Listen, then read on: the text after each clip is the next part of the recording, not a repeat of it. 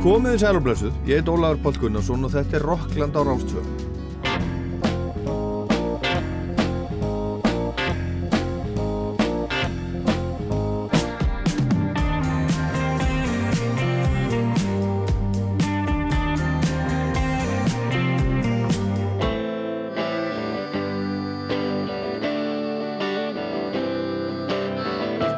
Gestur þáttarins í dag er Jón Ólafsson.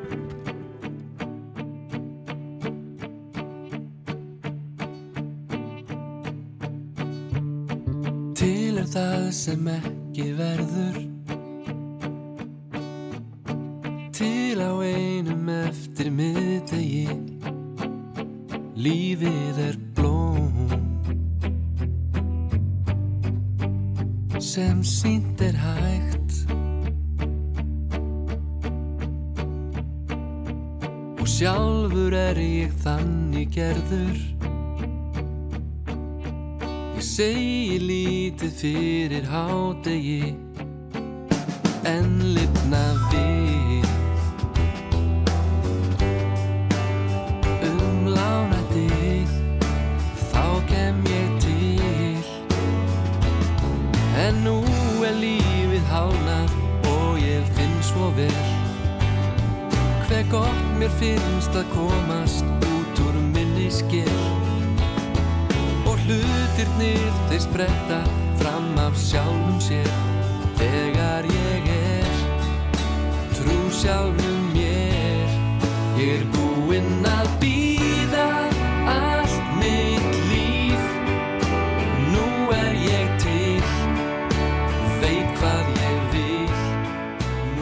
gestur Rocklands í dag er Jón Ólafsson sem fagnaði sextu sammali sínu með risa tónleikum í Eldborg um síðustu helgi fyrir viku. Það voru stjörnum brítir tónleikar heldur betur, Jón og Ný Dönskauða, Possibilis, Páll Óskar, Valdimar, Hildur Vala, eiginkonan, K.K., Magastína og margir, margir fleiri. Og svo var hann líka í gerkvöldi á græna hattunum með svona mini-amalis tónleika. En Jón á alveg ótrúlegan feril að baki sem alliða tónlistamæður lagahöfundur, hann er hluti af nýdönsk svo er hann hljómsveitastjóri og upptökustjóri ótal platna með hinum og þessum. Hann gerði síðustu plöturnar með Raka Bjarna fyrstu þrjár plöturnar með Emilínu Torrini svo dæmis við tekin. Hann ítti hennar, hennar ferli svolítið úr vör Hann hefur líka tekið þátt í ótal söngleikjum og tónleikum og sjónvastáttum sem hljómsveitastjóri. Hann er líka sjónvars og útvarsmaður. Hann er með þetta, spjall tónleikaröðina af fingurum fram með hinum og þessum tónlistamannum. Hann hefur spilað punk, búið til punk hljómsveit sem var svona svolítið leiniverkefni. Hann hefur gert ambient músík með futuregraffer. Hann semur lög og texta og syngur meðlimur í Nýdöns sem er bara einn lífsegasta og afkasta mesta hljómsveit íslenskar tónlistarsögu með glæsilegan feril. Og ég og Jón ætlum að spjalla saman í Rocklandi í dag og hlusta á pínu lítinn hluta því sem hann hefur samið eða komið nálat á löngum og farsalum ferli. Þetta lag sem við heyrum hérna, þetta heitir Til og þetta er að finna á fyrstu sólarplötu Jóns sem kom úr 2004 og þá var hann orðin færtur og þessi tekstir eftir Hallgrím Helgason. Velkomin. Og til ham ekki mamali Já, takk fyrir. Hvenar áttur ámali? Það var reyndar í februar en það er einhvern veginn aldrei lengst svona jafn mikið í því núna eins og núna út af þessum tónleikum. Já, Að ég er náttúrulega búin að vera einhvern veginn að reyna að hýta upp fyrir tónleikana á milli svona til þess að reyna að fylla húsið jú, jú og þá einhvern veginn er verið að óska minni bara það er ennþá verið að óska minni hlammingi mammalið sko. Já. En það var í februar. Ammali í februar hvaða dag? 2050 Já, ég deili ammalstegi með Joss Harrison og Þorstin Eggi sinni meðal annars. Já, ekki og slemt fullt af leikurum íslenskum. Já. En okkur, af hverju helstu tónleikan ekki Þá? Já, Það var nú reynlega bara uh, sko dæguflugan sem að hjælt þess að tónleika með mér átt einhverja dagsynningar í hörpu. Ég skil þig. Og- Þetta er og- bara svona praktískt atriði. Já, og og svo fannst mér sko, þetta þurfti líka einhvern veginn að rýma við það að nýtjónsk er alltaf hérna einu svona ári. Jú, jú, og það er einhvern veginn, við vildum ekki vera að selja á báða tónleikana á sama tíma. Nei. Nú er byrjað að selja á þá sko, Já, já. og þannig ég vildi Einmitt. klára okkar fyrst. Það er allt, allt í gangi. Og, og hvernig uh, sko leiðir hérna á sviðinu í. Hörpu, í Eldborg á Amalist tónleikunum Mér leið bara óbúslega vel. Já. Ég hérna er búin að vera svo kemur svo oft fram malandi í mikrofóninu, spilandi á píanóið í salnum, búin að gera í 13 ár. Kannski 15 sinnum yfir veturinn. Aha. að fyrir mér er þetta bara óbúslega þægilegt að setjast upp píanó og, og spila músík og mér líður bara alltaf vel ég er eiginlega aldrei stressaður en ég var með smá fyrring, ég ætla nú að viðurkenna það Já. þegar ég labbaði inn á sviðið og ég klöknaði í lók tónleikana þegar ég neyði mig en að öðru liti bara var þetta allt svona freka bara skemmtilegt og áreinslu lítið þetta var vel æft Já. og bara fólk að aðstofa mann á öllum vikstöðum Aha. fullt af hljóðmönnum og ljósafólki og tæknifólki þannig maður bara, þú veist, þetta var bara frábært. En er þú sem sagt, þú ert aldrei stressaður svona í aðdraganda? Ekki með svona hnút í maganum? Af því að það hefur komið svo á óvart það er svo margir bara svo ég nefni einhvern nöfn sem að hafa haft orð á því. Björgur Halldórsson, KK, Einmitt. Bubbi, Já, fleiri. já, svona sem er alltaf í þessu einhvern veginn en er alltaf með hnút í maganum einhvern veginn. Þetta er mjög einmitt og maður hefur lesið um bara marga ellenda veist, frægar stjórnur sem eru alltaf jafn kvíðnir við- eru að fara á, strið, Já. á sviðan samt vinnaður við þetta. Já, já, Nei, ég er bara eh, einhvern veginn, þetta er bara alveg bara farið úr mér, hafið einhvern tíma verið já, þú manst ekki eftir að þetta hafi einsunni Nei, verið í þér bara þegar þú stingri kannski bara þegar maður var kannski að byrja að syngja í, í Vestló og með kórnum Ertu svona, veist. svona ánæði með þig? Nei, ég veistu það þetta held ég sé meira það að mér finnst einhvern veginn ekkert stórmál þó eitthvað klikki. Nei, það er kannski það bara, þú veist, hvað, hvað gerist? Það er deyringin. Það er bara þá bara hlæðir fólk að því og maður byrjar aftur. Já, og eða maður gerir bara grín að þeim sem maður klikkað og bara hefur ekki bara þetta einu svona enn Þú veist, ég bara er alltaf að vinna með þetta konsept í salnum. Aha, og ég vinn sjálfur svona í útvarpinu bara þú veist og reynda bara að hafa þetta sem svona leiðast ef í öllu sem ég gerir, bara vera ég sjálfur. Já. og þá einhvern veginn þú veist, þá er maður ekkert að uh, taka neina áhættu einhvern veginn um að bara uh, vera það sem maður er þegar maður lappar inn og hvort sem það er myndavilir fram, að mann eða mikrofót, það skiptir mig í raun og veru mjög litlu máli. En okkur erum við svona hrætt við þetta einmitt að mistakast, að gera eitthvað, við erum að fara að gera eitthvað. Það gæti mistekist. En hvað, einmitt, hvað gæti mistekist? Svo, svo er í músikinni, það ekki Miles Davis sem að sagði sko, ef þú gerir mistök þegar þú ert að spila þá er það nótan sem segir til um það hvort það voru mistök eða ekki, einmitt, akkurat. Bara halda áfram. Já, já, ég meina það, tónleikandi mínir byrjuðu bara mistökum. Bara, bara Halli Sveinbjörns sem spila á gítar og hljómbor hann átt að byrja því að strömma eh, etur og atur fjóru sinnum. Já. Og bara braut nöglina bara í byrjun. Þannig að það kom bara eitthvað svona bara eitthvað rugg Já, og ég var nú að spá ég að láta það ekki á mig fá og halda bara áfram. En þegar ég sp spila á píanóð sem var ramagspíanó þá var slögt á því.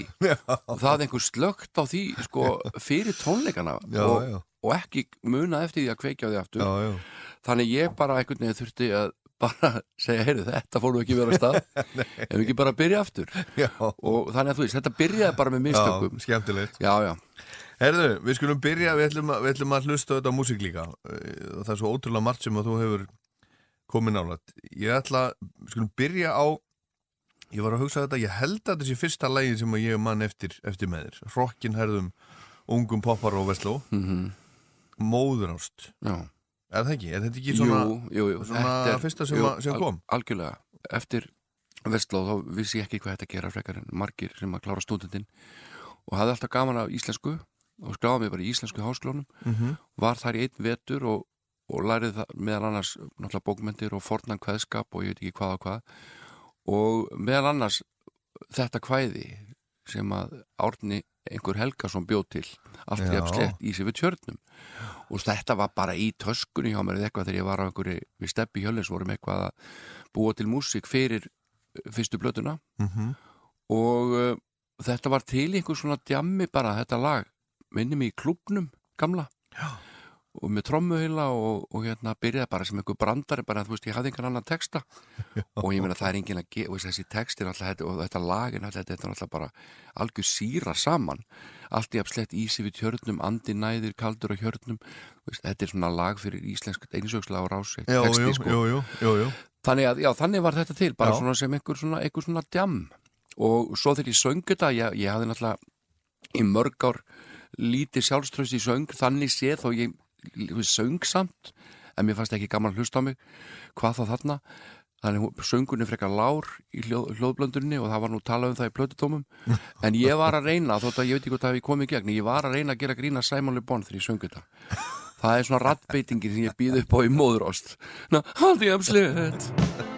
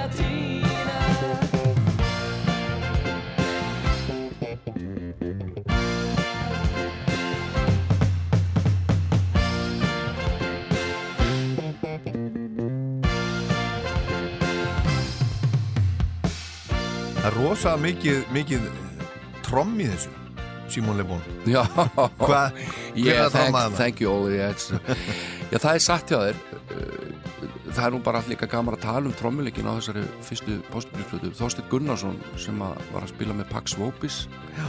Hann var kannski 17 ára þarna Alveg frábær trommari. Uh, Spilaði sig með hunastungin og stjórninni. Aha. Hann kom þarna Er bara ekki læknir? Jú, hann er læknir í, í Svíþjóð Heila Já, læknir já, algjörlega. Einmitt og hann trommaði alla blötuna bara á, ein, á einni nóttu og ég veit ekki akkur þessi útsending varð svona með þessum stoppum fyrir þessi trommubreik og þessi bassasóló en þetta held ég að svona á endanum gerir það að verkum að fólk mann sérstaklega eftir þessu lagi Já. Og þetta, ég hef aldrei heyrt þetta fyrir það síðar eitthvað, viðlag sem er alltaf að stoppa þess að leiða einhverju trommar að taka sól og, Mikið, mikið tromm. Og Steini kom á trónleikana mína Já. frá Svíþjóð og, trommaði þetta með okkur. Já, hann gerði það? Já, já, hann hafði samband um mig og sagði, má ekki koma og tromma með þér, ég hef aldrei spilað í hörpu. Já, að sjálfsögðu. Og hérna, hann kom og hann sló algjörlega gegn, hann var Ó. frábær. Já, ok. Já. Herðu, hérna, hvað er Possibilities? Þetta er, veist, ég, það eiginlega allt sem ég ger þetta fyrstu árin er bara einhver della á grín. Og þetta er bara hluta því Possibilities, að- þetta átti að vera svona maður að gera grína því.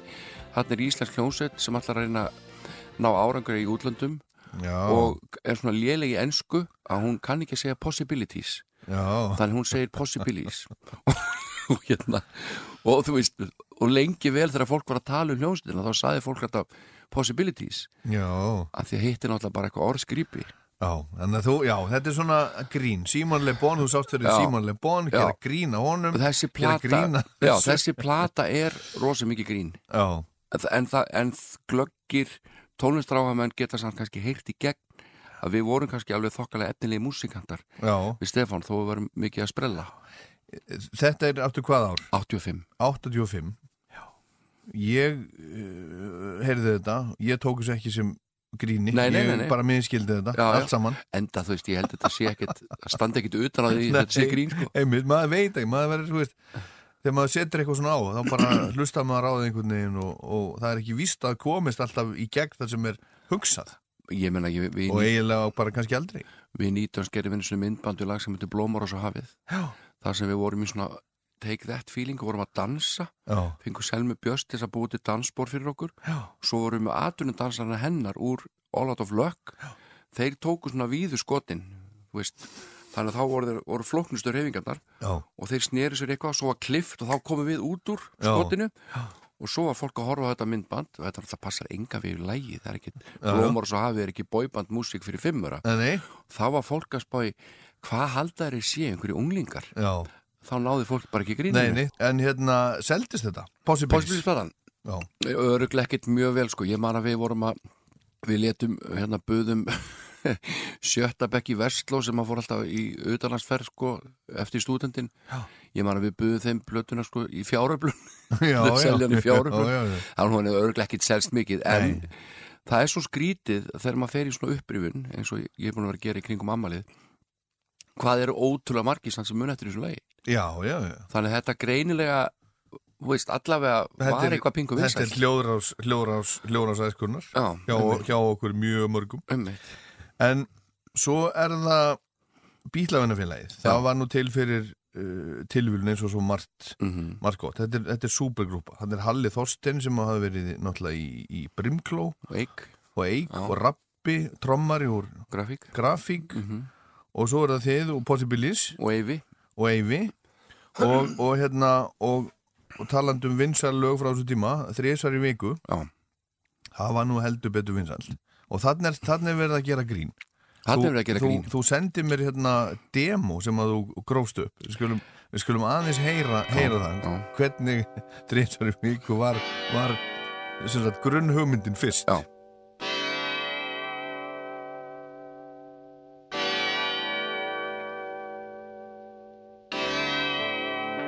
Hann heitir Auðbjörn, er tvítugur töffari, fór í bæn í dag og fekk sér varalegt. Hann á hvítan sportbíl með topplúu sem pappans gaf honum í afmæliskjöf. Hann er alltaf sætur og klár hvítum buksum og netaból Um helgar er hann við ennisband. Og er galokki stíl Ljóstrísar í viku. Og mæti regluleg í líkansrætt Hann fer í Hollywood um helgar. Með myndavillum í vasanum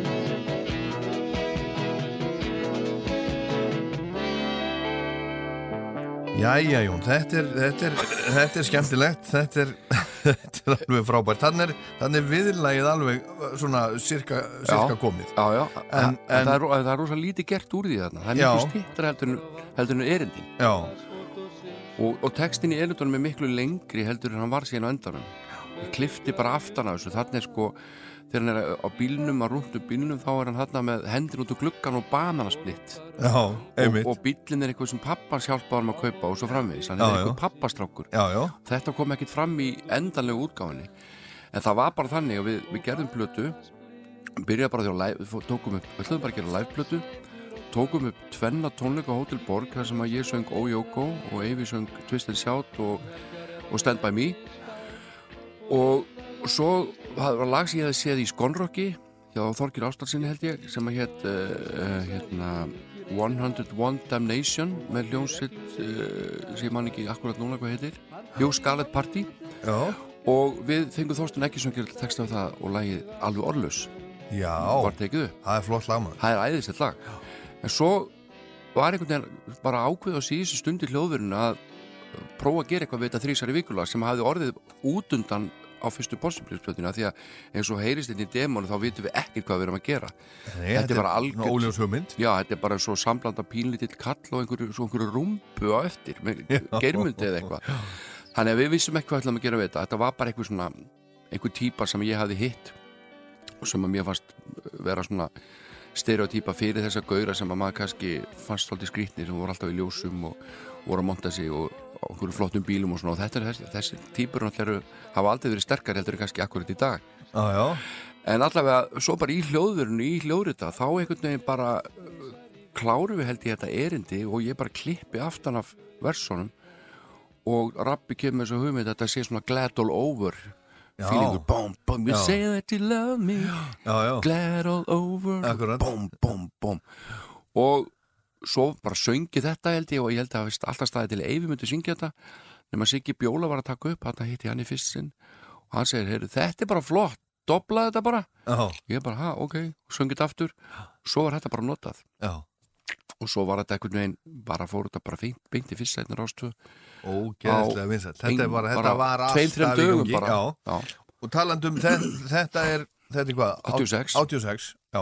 Sumarið Ólar Páll 17 ára, vinn í fristjúsinu og sko ég til dæmis miskildi þetta já. Mér fannst þetta ekki verið eitthvað þið verið að gera eitthvað grín að einhverjum svona strákum. Bara við værum bara svona. Þið verið bara svona, Já, já, ég- Ég man eftir að ég hitti þú komst einhvern veginn hérna baksis á Hótel Akranes og upp á þér tippið.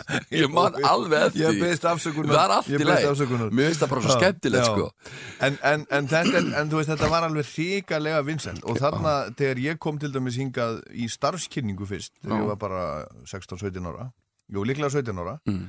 Þá hitti ég Georg Magnússon. Og hann var eiginlega eini maður, ég þekkti sko Jón Múla Mhm. uh, gerði G. Bjarklind og Ragnir Já, og Georg Magnússon tæknimann Mhm. sem að spila þarna munnhörpusólu eða ekki sant já, rétt.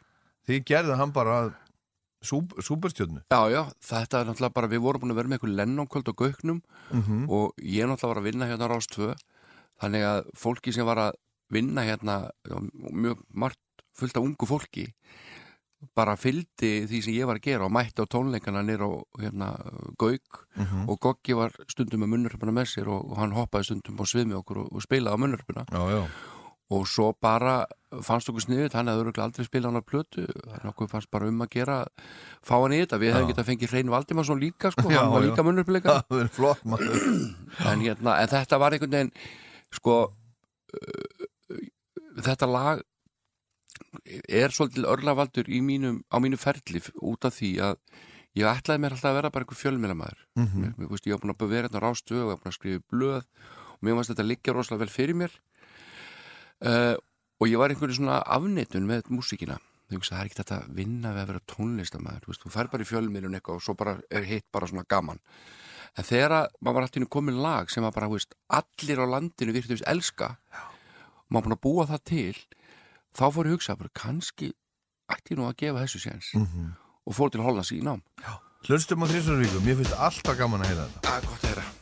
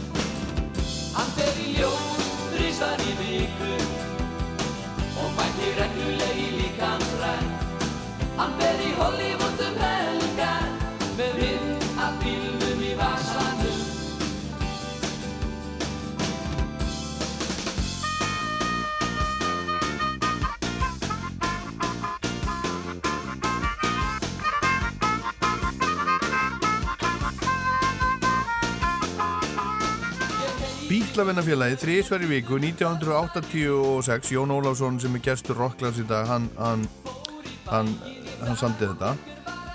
Ástand Stefán Hjólusin Já, já, ásand, ásand stöpa og, og þarna varstu búin að vera náttúrulega á Rástvö Já.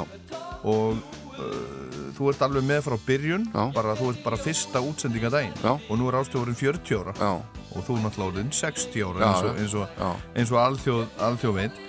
Og það var sko þú hefur nú talað um það áður og það hefur verið talað um það bara núna nýlega það var talað um svona, það væri nú eitthvað vafasamt í gangi hérna, þetta væri nú ég, veist, þessi ungi maður sem er að vinna þarna á þessar útastöð og svo Já, já. gefur nú þetta lag og það verður ógíslega vinsæl Einmitt. hann er nú já, í missu, já, já, það var hérna og meiri sér að bubbi samt í laguna Já, já, þú mást eftir því, já, það get fjölmjölafrík fjölmilla frík Já, og já. það var, hann, hann, flutti það í Jóni á, á Rúf Einmitt, já, algjörlega. Ég á það Vaffa S bólu einhvers staðar. Akkurat, ég held að hann hefði aldrei flutt þetta lag aftur sko. hann fluttaði þetta einu sinni. En ég man eftir línunni, hann bjóð til listan áður en hann fór að syngja. Það er góð, góð lína. Já, þetta var, þetta var nefnilega miklu meira mál heldur en kannski fólk gerir sér greið fyrir í dag og margir sem komu að þessu ég, vera, sko, ég veit að hérna, það voru sumir aðri tónlistamenn sko, sem að sáu náttúrulega ofsjónum yfir þessu og fóru að, að klaga hérna inn og það var einhverju sem skrifuðu lesendabref þetta gæti nú ekki staðis, þetta var líka mjög óvennulegt að lagi fór bara beint í fyrsta sæti. Það var engin aðdragandi að því það var bara búið að vera í útarpin í þrjátt, fjóra daga í mestalagi held ég þannig að veist, þetta var bara hjálpum þeim og eitthvað svona kannski eitthvað eitlaði viðbót sem hafði afrekað þetta áður. En vinsaldalistin var náttúrulega valið þannig á þeim tíma að það voru hlustandur sem að ringdu hérna einhver, símanúmer og, og, og greitu atkvæði. einmitt og ég náttúrulega veist, kom aldrei neitt nála því nema þegar ég var að vinna einhvern veginn hérna, þá var ég að reyna að koma læginu Seasons in the Sun í umferð. Mér fannst það svo fyndið, það var svo gjörsanlega out of place og ég náði að koma því inn á einhvern vinsaldalista bara með því að vera alltaf að spila það sjálfur í útarpinu en í, auðvitað var ekkit svindli þessu lægi bara var feiki vinsald og, en ég tók þetta næri mér. Já, það verður bara að segja þess að mér fannst fólk vera mjög ósangjant í minn garð. Uh, bæði bubbi og, og bara þeir sem tóku undir þessi sjónamið uh, ég hafði ekkert gert þetta ránt og, og ég einhvern veginn bara það fauk svo í mig að ég bara ákvaða að fara til útlanda í, bara að kvíla mig hérna þessu Íslandi og fór til Hollands í eitt ár. Í ú- út af þessu. Já, þetta hafði alveg svona slatt að segja í því sko. Já, mér fannst þetta ég tók, var bara mjög, já, þetta fór illa í mig. Já, og ég þurfti einhvern veginn svona að fá fjarlæðina og fór út að, að læra í, í hollensku skóla og svona bara, já jafnaði með þess á þessu og veist, það náttúrulega tók ekkert langa tíma og ég Nei, hefði ekki þurft að fara til Hollands til þess. En þetta var bara það er bara ógeðslega óþægilegt þegar fólk er að væna mann um eitthvað sem að er ekki rétt og maður getur valla borðið höndur í höfu sér. Það bara er ekki góð tilfinning. Já. en þú veist, þetta bara fór í á skrápin sem að hefur síðan bara þyknað með árunum Jú, jú, jú, jú. En þú ætlaði þess að þú, þú varst með plan sem þetta verða fjölmjölamæður fyrst og fremst og hitt væri svo bara svona Já, eitthvert- ég, ég var með þess að að skrifa til hérna ímsu sko háskóla og fá senda bæklinga og svona Já. og ég svona smátt og smátt misti áhugan þegar ég sá sko hvað átt að fara að kenna mér einhverja félagsfræði og mannfræði og eitthvað alls konar dót sem fylgdi allt þessu gott. Allt gott, sko Allt gott. En á þeim tíma hugsaði ég bara, þú veist, þú ert í útvarpinu Mhm. Þú ert að skrifa viðtöl fyrir tímarit þú ert búin að að skrifa í mokkan og tíman og þessu blöð á þess að kunna nokkuð. Okkur að vera eða einhverjum þreim fjórum árum í að læra þetta? Já, er þetta ekki bara spurningum að geta þetta, já. hugsaði ég. En okkur hættir á sínum tíma? Þú hættir... Í útvarpinu? Já, það var uh, einfall út af því að mér fannst útastmaðurinn einhvern veginn bara alltaf skikja á tónlistamannin já. Sem ég langaði að að fara- hann var að þvælast fyrir mér. Og, og hérna og ég, all, all, allt efni sem ég hef bara, all, allir þeir þættir sem ég hef stýrt í sjónvarp og útvarpi hafa alltaf tengst tónlist Mhm. af því ég hef einhvern veginn bara vil alltaf að fólki vita að ég sé tónlistamæður Já. og þarna þurfti ég bara einhvern veginn að draga línuna í, um hríð Mhm. til þess að fólk bara gefi mér meiri tækifæri í músikinni og svo þegar það var einhvern veginn búið að svona, koma því á reynd að hann er tónlistamæður Mhm. Þá fannst mér alltaf svona að byrja aftur að staðra við fjölmiðla Ok. Tölum um nýdönsk. Bara þjóðar gesseminu sem hún er þessi, þessi hljómsveit. Ótrúlegt, bara ótrúlegu ferill, ótrúlegt langlífi og, og minna, sa, sami mannskapurinn næstu því frá byrjun. Já. Þetta er sko, þetta er mjög sjálfgeft og þetta er ótrúlega merkilegt. Hvernig farið það þessu? Já, þetta er þetta er svolítið merkilegt að því við erum svo ábáslega ólíkir. Akkúrat. og, og það er kannski en við erum samt mjög líkir á, á, á kannski mikilvægum sviðum. Við erum alltaf með sama húmórin og svipaðan tónlistasmekk uh, og held ég bara ákveðið þroska sem að er náttúrulega bara búin að svona eflast með hverju árinu. Það er bara þannig í nýtönsk að ef að einhver getur ekki spilað mm þá er bara ekki spilað. Það er engin að suða eitthvað, gerðu það. Já, veist, steppi bara að fara til London og við getum ekki spilað þá er sama hvað mikið kaup Já. þá erum við ekkert að fá okkur í staði fyrir hann Nei, eða pína nýða, það. Bara, þetta er bara menn fá að gera sem er að gera Já. og það einhvern veginn bara er líkillin að þessu. Þannig að það er alltaf gaman þegar við hittumst. Og við höfum, sko það kom tími þar sem við fengum nóg okkur öðrum. Það var í svona kringum hunang og gauragang mm þegar við vorum alltaf út í London að reyna að meika það að þá vorum við bara óbúrslega mikið saman eittum rosalega miklum peningum í þetta að vera úti og þurftum því að spila kannski meira en góða hófi gegnir Mhm. og fengum svona nett svona, já, nóa hver öðrum hverjum öðrum og um hríð og svo endar mér þess að með það að Daniel bara tekur sér tíu ára flýja frá hlónstinni sko. já, já Já, En já, hann hætti bara Hann- Já, hætti bara, og svo kom hann aftur. Koma aftur. Já, Hurðið var bara, bara opið, eða ótrúlega, ótrúlega flott. Við skulum heyra, við langar að spila hérna fyrst flugvilar Segðu, segðu það eins frá. Já, flugvilar uh, er nú sko, bú- búið að vera til hjá mér í nokkur ár þegar loksast kemur út.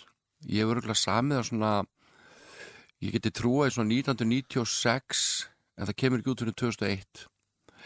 Eh, Ég hafði með texta, nokkra ennska texta sem að Ken Thomas, upptökustjórin okkar, upptökumadurinn, hafði látið mér í té. Mér var gott að hafa svona texta hjá mér, þú veist, ef mér það er tíma til að semja lag, þá er ég fljótur ef ég er með texta. Mm -hmm. og hann átti þetta texta sem heit Sweet World. Og ég bara gerði lag við þennan texta og uh, inspirasjónin fyrir þetta lag er lag af Pet Sounds með Beach Boys sem heitir Caroline No Já, og þar svona, geta glöggir menn heyrt svona þetta vinstri hendina í píanóinu sem er yfirleitt ekki grundtótt í versónum og það er svolítið svona Brian Wilson í því. Uh, það er svona innblásturinn að þessari lagasmíð. Uh, og síðan bara þegar við gerum plötuna Húsmaragarðin þá var ég með aðra balluðu líka sem, sem hlaut nafni Óskýra minningar. Og þarna var ég dálítið upp á Björn komin að gera textana. Daniel hættu þannig að þetta var ennþá meiri vinna fyrir Bjössa Að hann reynlega bara hafði ekki energið eða hugmyndaflugi þarna til þess að gera texta líka við flugvilar. Þannig að það var látið bara í salt. Svo þurfum við fyrir til Möldu 2001 að gera pólfarir, þá fyrir hann í göngutúr og færi þessu hugmynd að textana. Þegar ég horf á þig, mér finnst ég vera til Allt verður auðvelt, allt verður einfalt Getur verið að samanlæða sálir geti einhverju breytt.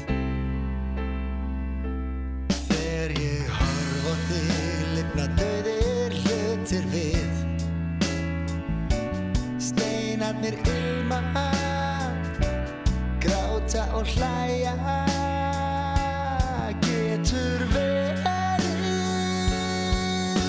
Að samanlæða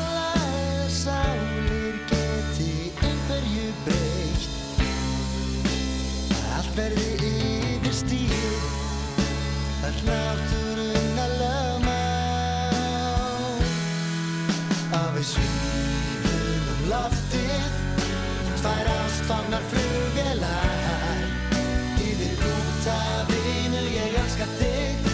Það sér okkur enginn þar. Og við svífum um loftið.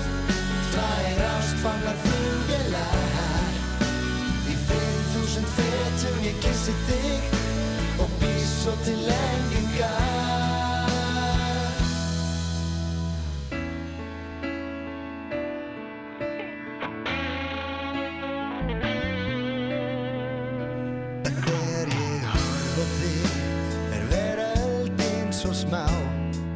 Nýdönsk og lægið Flugvillan sem að þeir eiga saman, Jón Ólafsson og Björn Jörundur, Jón og lægið Björn á textan, fættur á, á Möldu Þú vorst að segja á þann hérna Jón að þið, þið eru alltaf uh, þið bara spilið þegar það er, þegar það er hægt þegar, þegar það er stemning. Og uh, sko þið spilið, þið eru búin að gera það núna mér finnst það mjög flott til dæmis, þið spilið bara einu svona ári í Eldborg.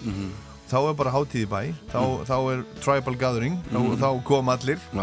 Allir áhangendur og, er það, og þetta er alltaf svona svona sikkvort konsepti Þeir eru svona með, það er svona einhvern grunnstef, eitthvað nú er það að spila, hvað, hvað var það? Skrítin lög, einhvern tímann. Já, það var einu voru við með skemmtilegustu lögin og leiðilegustu lögin Skemmtilegustu lögin og leiðilegustu lögin. Það var alltaf sérstaklega gaman að heyra hérna auglýsingarna dinni á landsmönnum leiðilegustu lögin Já, og við reyndum að hafa á frekar leiðilegum tíma líka á sunnudegi í litlum sal í hörpu og þetta var svo fallegt að þetta var alveg svona 10% þeirra sem mættu á skemmtilegustu lögin Aha. mættu á leiðilegustu lögin. Já, líka. Já, og þar gætt maður spila þú veist lagnum með sjö.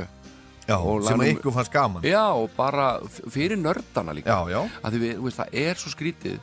Ég fekk mér post frá stelpundaginn sem var á tónleikunum í hörpu fyrir ári og margir sögðu við okkur, þetta verið bestu tónleikatur okkar bara allra tíma og eitthvað. Og, ég, og hún, hún upplegaði alls ekki þannig.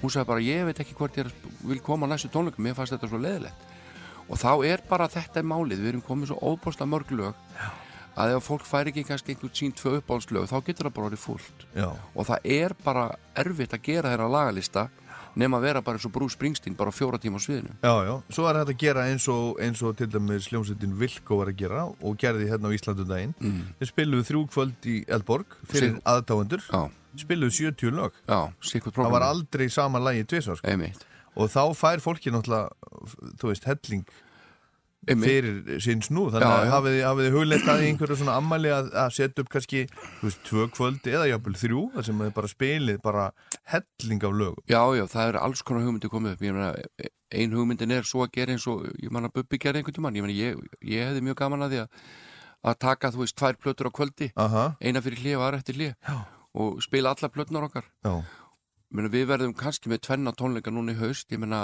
það getur vel verið bara að þetta sé ágætis hugmynd að við verðum bara með sikkvart prógramið já og ég menn ef þið auglýsið þannig þá myndu örgulega einhverjir Sýti eftir sko bara. vilja koma tvisvar. Já, já. Nei, meina í alvöru Já, tala. já, já. Að því ég menna þú veist Þetta ef, er ef þú átt upp á hans hljómsveit Já, já. hvað Ég er betra en að sjá hann að tvö kvöldi röð? Einmitt, ég meina að laga eins og Hólfi Júliusdóttir var ekki á prógrami hljónstarna bara í 10-15 ár. Já, og allt innu voru menn tilbúinir í að spila það aftur. Já, Þetta er svo skrítið. Já, já.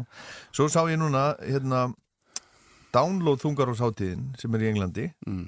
þar er Metallica að spila bæði á fimmtaskvöldi og lögataskvöldi og ég er alveg vissum að þeir eru með sikkert prógrami þannig að Já. þetta er alveg, það er alls konar hugmyndir Já, já, en hérna e, tónleikarnir sem verða núna, núna í haust e, þeir heita Alelda. Já. Hvað, hvað ætlið ætli að gera þar?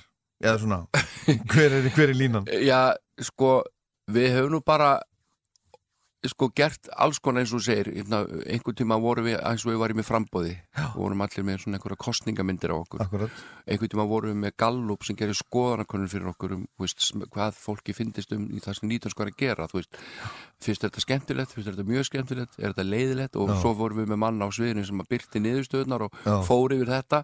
Þannig við reynum að gera eitthvað svona eitthvað nýtt hverju sinni. Uh, við eigum öruglega til að leika okkur bara eitthvað með þetta alelda konsept. Hvort að við verðum með, þú veist, kór slökkulismanna eða hvort að verði verið að grilla fyrir framann hörpuna. Þetta og allt þetta er að Já, já, full er- vinna þetta er, þetta er verkið vinslu en okkur finnst gaman að, að hérna, að, þú veist, að því við erum á hverju ári þá finnst okkur gaman að setja þetta í einhvern búning alltaf. Já. en lagið Alelda, já, ráttu þú það? ég á lagið og við Daniel hefum saman textan Já. og uh, þetta er mjög þetta er mjög svona einföld og, og hérna einföld saga, ég heyrði lag með R.E.M. sem heitir Lucy Jú, jú, sem mér fannst alveg frábært og sérstaklega fannst mér gaman hvað þetta mandolín var ábyrjandi í laginu. Já, já. Og ég sagði bara, mér langar að semja svona lag. Já. og samt í og alveg þá bara gera með það. Þá skulum ég heyr- gerði það bara. heyru smá að því. Já,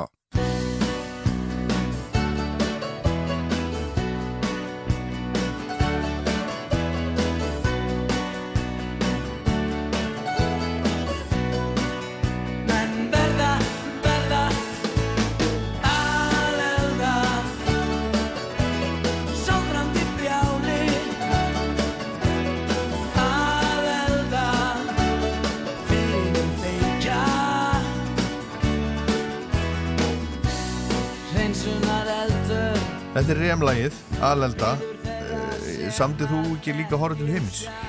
nei, ég á sko Daniel komið það til mín með kassagítar og mér fannst það svona, og, já, og ég svona hjálpa hann að setja það saman, það breytti í svolítið gospel þegar þegar maður spilar á píanóið. Alveg eins og þegar Paul Simon samti Bridge og Tropic Water á kassagítar og þegar hann Larry Nectel kemur og spilar á píanó þá verður einhvern veginn svona. Gospellegt og það sama gerist með horfðu til himins en eins gott lag og það er þá fannst mér vanta millikaflið og ég bjóð til þennan millikafla hei, hei, hei, hei og allt það rugglanda inn í miðum læginu þar sem að lægi svona, ég svona springur svolítið út. Það er eiginlega mitt svona tillegg í horfðu til himins. Heyrum millikabla Já,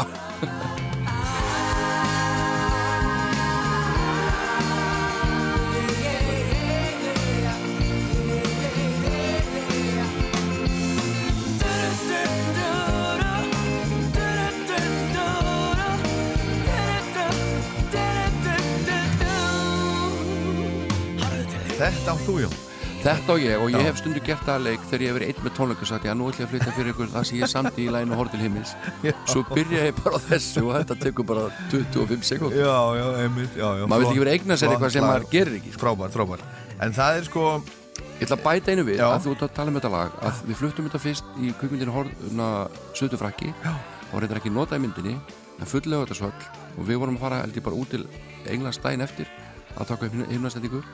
og ég hef aldrei fengið mikil viðbröði nýju lægi sem enginn hafði heyrt.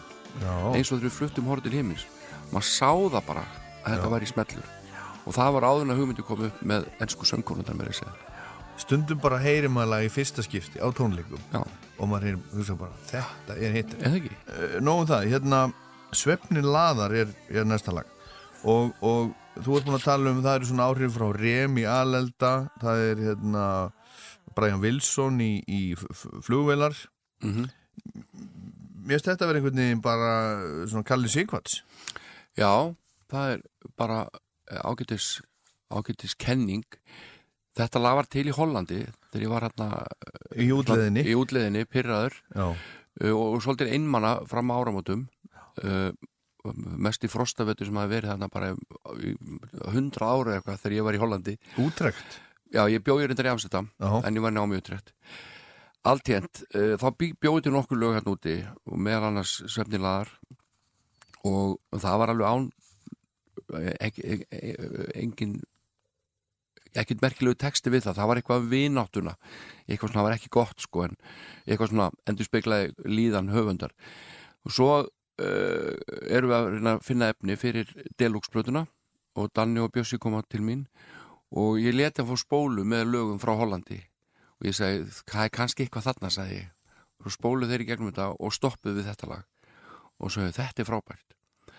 Það vantaði texta og ég bara fór og þeir sátu eftir og gerðu þennan stórkostlega texta sem að er svona gott dæmi um það hvernig að mínu áliti textanir gera yfirleitt útslæðið með það hvort að lög verði eitthvað eða ekki uh, og þegar þessi texti var komin við þetta þessi, þessi svona kirkjulegi og, og kannski svolítið guðlegi og himneski texti um, um það að, að ef maður er veist, það veikur að það er ekki bara veist, ekki að bjóða neinum upp á þetta líf hvað það manni sjálfum að þá sé bara besta lausnin bara sopna svefninu langa. Og þá laðar þessi svefn þú, þetta er bara það sem þú þráir þú, veist, að hei, hei, heyr þetta dauðastríð og þá einhvern veginn kom þessi orgelhugmynd upp. Ég hef náttúrulega verið að spila mikið á Hammond með hljómsveitinni og þá kom þessi svona fúgubakk hugmynd upp og svona, mér varst að passa vel við textan Mjög flott, hlustum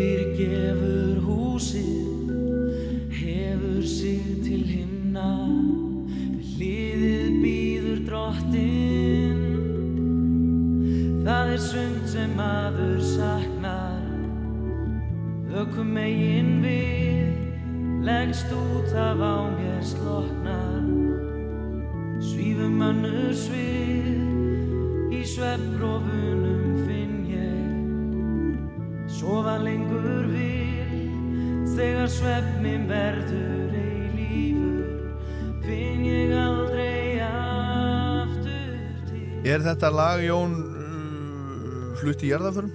Já, ég bara, við Daniel höfum oft fluttið í jarðaförum og, og ég veit bara um marga jarðaförðir sem þetta lag er notað.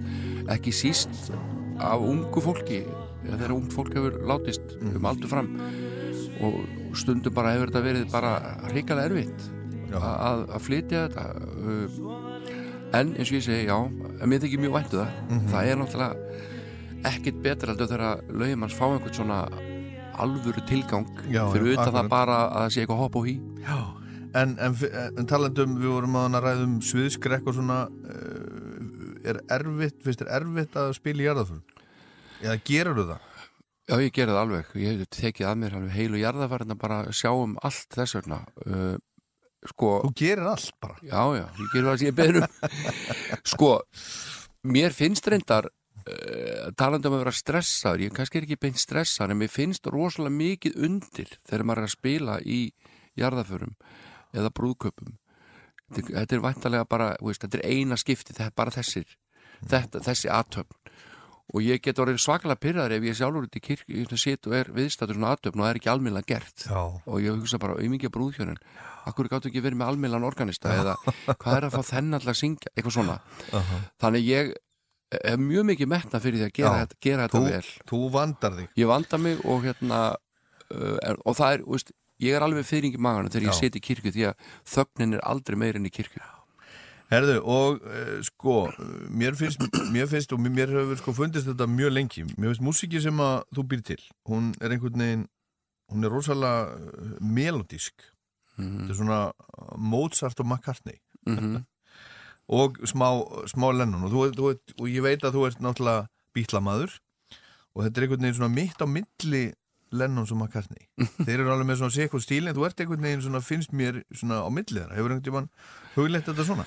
Nei, ég, hef- bara aldrei spáð í það veist, hvernig höfundur ég er. Ég, ég held ég sé sko melodískur mjög melodískur en það kemur manni satt svolítið óvart eins og þegar við vorum að æfa fyrir tónleikana að hvað sum lögi voru samt glettilega flókin þó þau væri melodísk þú veist, það voru á stundum óbáslega margir hljómar. Og og ég hef ekki stúdur að Nei, það nei, en hérna ég held, veist, þetta er bara það sem ég hlusta á, sem krakki. Ég hlustaði á, veist, fyrstu minningarnir það eru hljómar frá Keflavík það eru bítlarnir, Já. það er No Milk Today. Og svo þegar ég er unglingur þá bara fell ég í stafi við spilverki þjóðana Mhm. og, og þar náttúrulega náttúrulega, og svo stuðmenn. Já, já, og svo kemur nýbylgjan og, og, og ég fyrir að hlusta á bara fræflana og þeisarana og ego og þetta. Þannig að ég hef líka haft alltaf mjög gaman að indie músík aha. en ég held samt þetta sé bara alveg stöngin inn hjá þér. Ég er liggur einhversta rann allir segja ekki verið og Harrison eða eitthvað. Gæti verið, já, samt, nei, samt, Nei. samt ekki. Mér finnst þú, þú minnir mjög frekar á, á hérna en, en þetta er sko, einmitt indie indie músík er líka oft mjög melodísk og sumt af þessum gerir, þú gerir náttúrulega líka balluðum og líka Mhm. því svona fallegum melodískum balluðum en svo eru líka gert svona melodíst powerpop sem að minnir kannski á Emmett Rem eða Mhm. Elvis Costello eða eitthvað svo leis, eins og til dæmis næsta lag sem við ætlum að heyra sem heitir Fluga sem er alltaf fundist mjög flott lag Þú átt það eða ekki? ég á það og, það er samið á kassagittar og, og hérna og ég hef alveg samið nokkuð lög á kassagittar eins slagur gítarleikur ég er en það, þá er það meðvitað ákvörðuna því ég er að reyna að búa til eitthvað sem á ekki að vera oflókið Einmitt, eitthvað einfalt. Eitthvað einfalt og þannig var flugan já, í Lennon, þannig var flugan til og þannig var sunnundas morgun til. Og, og hérna flugan finnst mér bara mjög skemmtilegt. Svo er svolítið gaman að segja frá því að þegar þetta lag kom út þá fór- fólk að segja mér að ég hefði stólið þessu frá einhverju með Nirvana sem byrjar þessum tveimur hljómum. Já, E Akkurat. og G. Já. en ég hafði aldrei heyrt það lag þá sko. Þetta er náttúrulega bara mjög algengt ljómasamband en, en, en ég hef óbúslega gaman af melodískri indie tónlist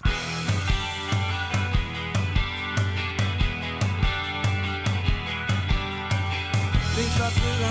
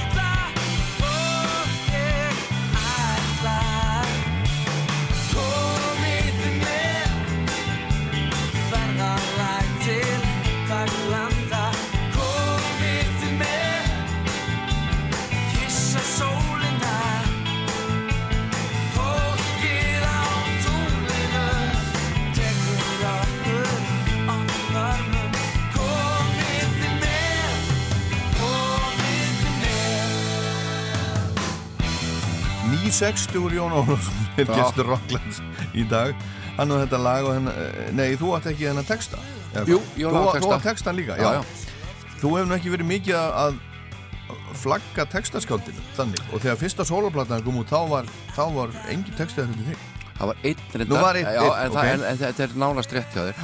Já, það er, þetta er mjög gott sko. Ég meina, ég gerði náttúrulega, þrísari viku og, og eitthvað svona og fyrstu possibilisbötunni og rullukrapeysuna og eitthvað svona. En þetta er allt eitthvað undir grínrósinni er ekki að vera alvarlegur. Þó er ekki að vera alvarlegur. Uh, samt búin að vera í íslensku háskólanum og bara mjög gaman af tó- ljóðum og, og, og góðum textum. Og á, svo fer ég að ganga með svo plötu í hugan hérna í maganum að gera sólarplötu. Hún kemur aldrei út að því ég var búin að ákveða að ég er að gera textana líka. Annars verði ekki alveg sólarplata en ég bara setti markið svo hátt. Ég þarf þetta þurfti að vera jafn gott og hjá Steini Steinar sko. Og og miklaði þetta allt svo fyrir mér. En á endanum þá hugsaði með mér, heyrðu, hættu þessu vesinni fáðu bara texta. Jón Ólafsson heldur áfram með þessa sögu og segir okkur margar fleiri hérna rétt á eftir.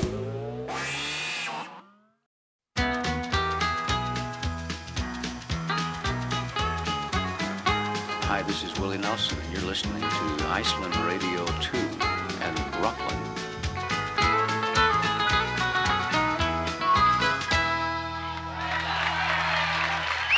En á endanum þá hugsaði með mér, heyrðu, hættu þessu vesinni fáðu bara texta og þá allavega gerur þessa plötu. Mhm. og það er bara það sem ég gerði annarkvæmt leti yrkja fyrir mig við lögin mín eða ég, orti, ég gerði músík við texta.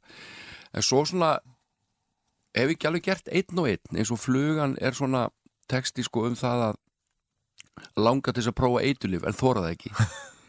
Já, þú er aldrei verið neitt sérstaklega góður í því. Ég hef ekki verið mjög góður í því. Og Nei. þetta er svona um þá pælingu, veist, litla fluga sem flögrar um sko, þetta er svona einhvern svona pilla svona sem að, veist, á ég að taka neð ekki sko. Eh, aldrei verið nála, sko, nála til að gera það. Nei, en þú er aldrei, þú, þú veist, þú hérna er aldrei reykt síkaretur aldrei reykt gras aldrei pró drekki ekki kaffi. Drekkur ekki kaffinu sinni, hvað er að því? ég er bara allt og streit bara sko. en, en já, þannig að textandi svona, ég hef ekki gert mikið af textum en, en ég er alveg ánað með einn og einn. Ég til mér gerði uh, alla textana meira að minna á hérna, plötu sem heitir Fiskar. Hagamell gerði alla textana líka. Þannig ég er svona, þú veist, ég get þetta alveg. Mhm. en ég set kannski marki stundum full hátt og stundum full refsi glaði við sjálf mig. En það er líka annáli þegar maður er með mönnum eins og Daniel og Bitni í hljónsveit og svo var ég að vinna með Megas í mörg ár og Ólafi Hauki Símonarsinni þá kannski ekkit skrítið þó maður verið svona pingu, pingu lítill lýsir í textasmiðinni því þetta er allt svo frábærir höfundar já, já, en þeir eru náttúrulega uh, svona frábærir vegna þess að þeir eru búin að æfa sig í þessu. Þetta er allt æfing. Já, er þetta er æfing líka. Já, algjörlega. líka, ég menna, svo, svo leikur þetta náttúrulega mjög misvel fyrir, uh, fyrir, fyrir fólki. Fólk er uh, mismikil skáld allt það. En æfing er þetta En sannlega kannski er það bara, kannski bara málið að bara, þú veist, fara í á sveppatripp eða LSD bara eins og Lennon og McCartney náttúrulega gerðu. Þa, þá opnaðist fyrir ímsar, ímsar glöfur. Ég segi nú bara svona. Já, já, þetta er raun og veru sko Þetta er ekkit alveg svona mikið máli eins og ég kannski læt. Þetta er bara að teku tíma ef þetta var gott Já, og maður kannski gefur sér ekki nóg mikið tíma til þess að gera þetta. Maður horfður bara á Netflix í staðin Já. þegar maður ætti kannski verið að gera góðan texta. Akkurat. Herðu Fyrsta sólaplantaðin, Já, 2004 Mhm. Hallgrímur Helgason gerði afstæðiskenningu ástæðarinnar Mhm. Samdan þetta eftir pöntun eða, eða áttan þetta til? hann fekk sko ég bjó einhvern veginn til tvö lög fyrir ædolið þegar ég var að tónlistastýra þar aðstofa og uh, ég, til var lag sem heitir aðeins einu sinni fyrir Kallabjarna sem við steppi Hilmas gerðum og svo gerði ég annar lag sem að ég átti svo til og það var ekki notað, það var afstæðiskenning ástannar nema það var miklu hressara og allt öðruvísi en ég átti þetta til og mér fannst þetta svolítið gott lag. Og bað Hallgrim bara um að gera texta við þetta og ég, hann fekk bara alveg frýtt spil og hann bara kom með þessa snildar hugmynd. Flott lag. Þú veist að ég þól ekki þegar þú ert of sein. Þú veist að ég þól ekki þegar þú segir mér hvað ég þarf að gera á eftir. Þú veist að ég þóli það ekki. Þú veist að ég þól ekki þegar þú síðar mig til. Þú veist að ég þól ekki þegar þú Grípur fram í fyrir mér. Þú veist að jafnvel og ég Að ég þóli það ekki.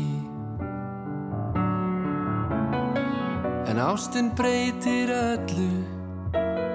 Ástin gerir kost úr lesti. Í ástum allt er afstætt. Því ástin sagði mér Að ef þú ekki værir Værir eins og þú værir Það ekki svo sem ég Elska dag og nótt? Þú veist að ég þóli það vel Að þú sért of sein. Og þú veist að ég þóli það vel að þú segir mér hvað ég á eftir að gera.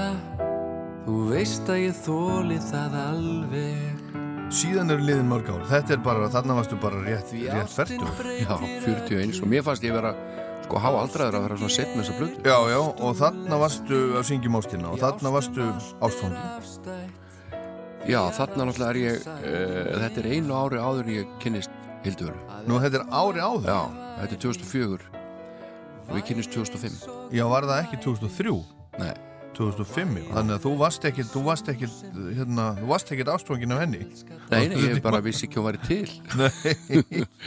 En hérna, en svo, svo hérna kynntistu henni. Já, og þú áttir aðra konu Já. og börn. Já, þú átt full, fullt af börnum eða ég á ekki? sex núna. Þú átt sex börn, Já, er það ekkit full mikið?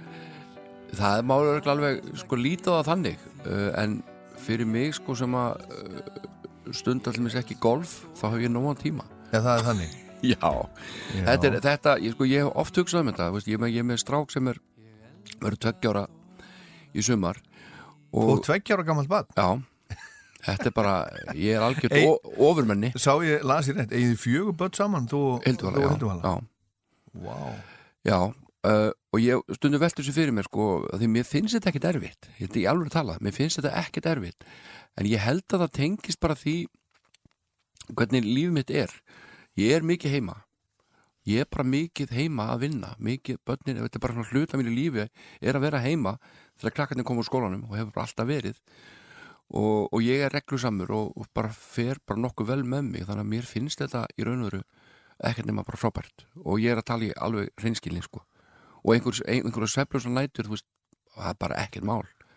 Það veist, þá bara leggum að sig eða séu daginn eftir eða eitthvað. Já, er þú ert eitt tveggjára Já, svo er það sjóra þú, þú má sko heita og Já, allt- já, já, já, það. hann heitir Arnaldur hann er tek- verður tveggjara í sumar. Já, svo er ég Þórildi Júliu sem er sjóra stundum með mér útarpið jú svo er Kára Kolbin sem er 13 ára. Og svo er það eh, Jökull sem er á 17. ári.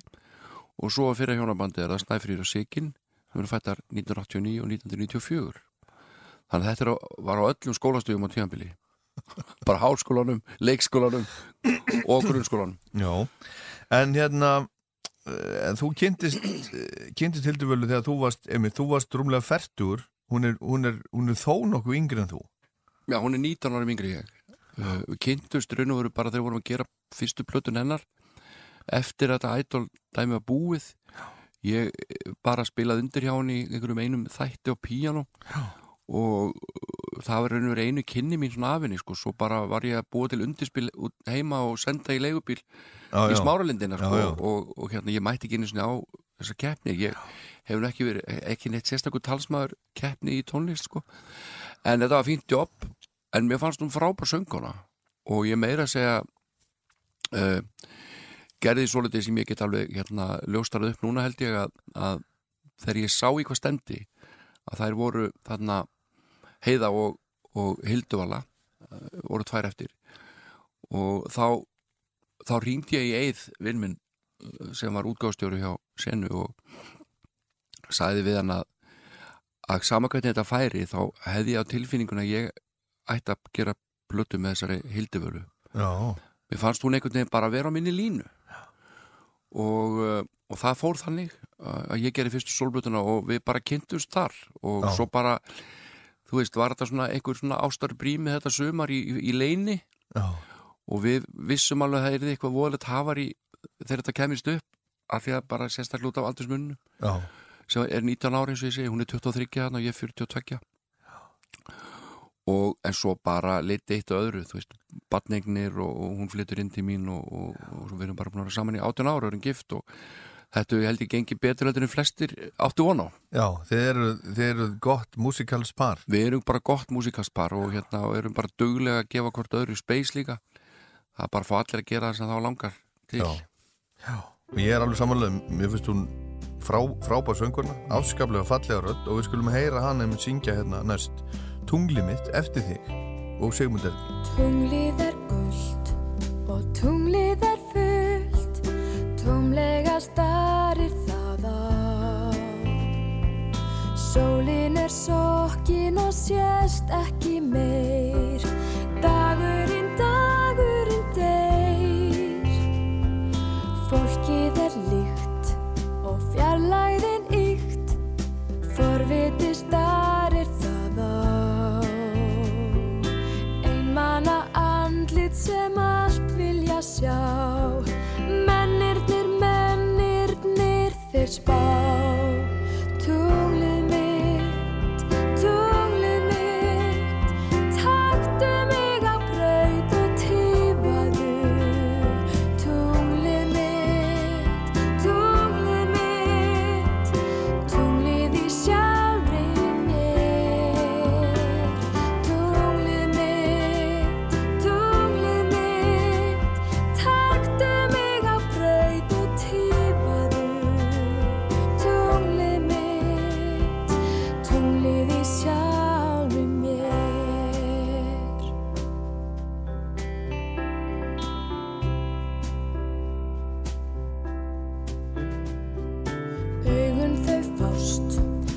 alls konar ást Áræðin stara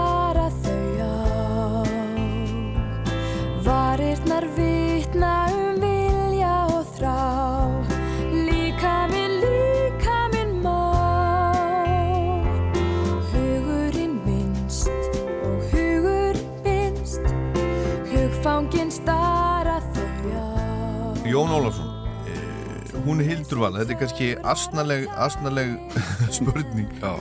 hvaða áhrif hefur hún, hefur hún haft, haft á því? Hvað hefur Hildurvala gert fyrir Jón Ólafsson? hún hefur gert rosa mikið fyrir mig og það hérna uh, sko, ég held til dæmis út af aldursmunum að hún er svona miklu yngri ég að það er bara, þú veist, ég er bara mjög vel tengdur inn í margt sem að margi jafnaldri mínir eiga erð með að skilja ég meina öll þessi, nei bara feminismi, jafnættismál allt þetta, öll þessi umræða hún náttúrulega bara er, hefur verið mjög rík á mínu heimili og hún hefur verið að vinna í stelpu rocka og ketone og er bara í fremstu výlinu fyrir konur í tónlist. Og þetta náttúrulega hefur áhrif á mig. Ég meina þegar ég er að velja fólk og, og veist, kynja kvótin og allt þetta og svo bara, þú veist, er hún bara uh, mjög reynskilin bara með músík og texta þannig að ég get bara, leift henni að heyra og, og, og hlusta og dæma og, og bara ráðlagt mér alls konar hluti en Já. hún hefur líka þroska með þessa mannesku eins og ég segi bara ekki sísta því hún er yngri ég Mhm. og þannig ég fikk kannski sjá og hlusta hluti og skoða hluti sem ég kannski hefði ekki gert Já. ef ég væri með 60 ára gammalli konu Já. með fulli virðingu. Já. þannig að þetta er bara allt honum dýna Hlustar á hann alveg, þú veist, þegar hún segir þetta er ekki nógu gott. Og, og hún segir það, það alveg við því ef það er eitthvað sem að þú ert sem, sem ert að gera sem að hún fílar ekki eða er ekki ánað með eitthvað svona? Já, af því að sko, hún er bara með svo fína sans og hún er bara með svo góðan tónlistasmekk að þetta er bara alveg svo ef að Björn eða Daniel segja eitthvað um mig þá hlusta ég. Mm. veist, ég, ég bara tek mark á þeim. Uh, ég kannski ekkert alltaf alveg sammála en minnst, það allavega þess virði þegar svona fólk segir eitthvað að maður staldri við og, og, og gái hvort að maður hafi rétt eða ránt fyrir sér. Já. Er það erfitt? Er það erfitt að svona að svona þegar, þegar, gaggrinni þegar þú heldur eitthvað, já, Já. ég meina þú ert ekki úr að búa eitthvað til og mann ætla þegar maður er að búa eitthvað til þá er maður að svona taka það einhvern veginn innan úr sér og leg, leggja það á borðið. Er erfitt að fá svona gaggrínu og segja, nei, þetta er bara ekki nóg gott. Já, nei, ég er eh, náttúrulega í hreinskilinustu hljómsveit á lands, landsin sko. það er náttúrulega þetta bara í þessar hljómsveit það er bara sagt við mann, mjög veist þetta leiðilegt lag Já. og það er bara hort í augun á manni og, og það er bara einhvern veginn, það er svo mikil Er það allir eða bara Björn? Uh, Nei, Daniel ekki síst maður það er bara, þeir eru svo óbáslega flottir músikantar og þeir segja alltaf það sem þeir finnst og það er svo gott að, að umganga svoleiðis fólk og, og læra inn á það að þá hætti maður að vera svona hörundsár og viðkvæmur að þetta er náttúrulega á endanum bara smekksatriði. Já. Jú, jú, en svo er nú sumt betri en annar líka Jú, jú, og allavega. Akkurat. En hvað hérna, sko, er mikið sungi á heimilinu? Það er endalust sungið. Það, ég skil ekki akkur ekki bara byrja að gera Osborns þáttum Hljómsveitin okkar. ná raunveruleika þáttur. Það eru, það eru allir að spila á hljóðfæri í þessari fjölskyldu. Já, það eru píjana út um alla Lí, trissur. líka lillibönnin þessi tveggjára sem er að vera tveggjára hann er nú aðalega uh, núna að syngja sko. Nú, er ok. Mjög lagvis Já, alveg uh, lígilega lagvis þessi sjö ára er svona byrjuð að fá að hafa píjónleik og strákarnir tveir eru bara báðir hörkumúsikant já, ég hef heyrt í þessum eldri, sko, og séð hann, hann spila. Já, Vissi ekki að hann var í svonu þinn þá, Nei. þegar sá hann fyrst. Já. Sá hann í hörpu einhvern tímann frá gangi. Já, einmitt, já, að spila fyrir tónleika. Já, já. Og hérna, og svo er þessi 13 ára, hann er líka ólsegur og þeir spiluðu báði með mér á tónleikunum í hörpu. Já, og það var alveg rosalega gaman. Og mér, sko, þeir voru svo slagir sko, þá var að segja afslappaðir. Já. að ég bara að, mér eins og ég væri bara með Eithor Gunnarsson og, og Jakob Fríman bara, ég, veist, það, ég var ekkit stressað fyrir þeirra já, hönd sko. já, þannig að það er mikið sungið á mínu heimili. Já. Mér dettur ju bara, þú veist, Carter Family Staple Singers Ólafsson Family. Mhm. Já, ha. Von Trapp. Nei, ég meina, hafið þið, uh, þú veist, hafið þið einhvern tímann hugleitt að gera uh, Fjölskylduplötu? eitthvað saman, ég meina fjölskyldu blödu, tónleika, sjónvarsþátt, eitthvað? Nei, við höfum ekki spáðið það. En, en, en ég, ég menna ég held að við höfum alveg huglegt sko að kannski að leifa stákurum að spila við hildum alveg það sem við erum að gera eitthvað Mhm. og þú veist þessi tónleika mínu í hörpu eru kannski einhver fyrsti vísir að því Já, og ég er svo sannarlega sko til að gera allt fyrir stákurum mína til þess að þeir geti notið sinni í músikinu og Mhm. ég er að róta fyrir það út um alla trissu sko þeir eru að spila fyrir unga umhverju sinnanir og lækjartorki eða er það? Já, já, þá er pappi bara kemur að hlaupandi með eitthvað ramaspíónu upp í MH eða eitthvað. Já, en ég heyrði, þú varst í viðtali hérna um daginn, einhverjum hafur aldrei ítt músík að, að þeim, Nei. ekki þannig, ekki sendið í tónlutaskóla eða, eða hvað? Jú, jú, ég sko auðvitað náttúrulega setti mér á tónlistaskóla en, en bara því að maður sá bara hvað þetta, þeir höfðu mikið áhuga. Já, áhugin kom fyrst. Áhugin kom fyrst. Uh, en ég hef aldrei nefnt að standa yfir þeim og reyna að kenna þeim eitthvað en ég bendi þeim náttúrulega tónlist og ég segi þessi, þessi hljómsið til að hlusta á þetta Já. og ég hef kannski haft áhrif þannig frekkan að vera eitthvað að hérna, skipa þeim fyrir að segja að maður æfa sig og passa sig að einhverju skala og eitthvað svona Mhm. þá er þetta meira svona bara eins og að tala við vinni sína bara að skiptast á skoðunum um, um, um tónlist Mhm. og ég hef bara verið mjög heppin að að hérna hvað þeir eru með fínan tónlistasmekk þannig að það trubla mikið neitt og þeir séu að hlusta á einhverja músík á, á miklu styrk Mhm.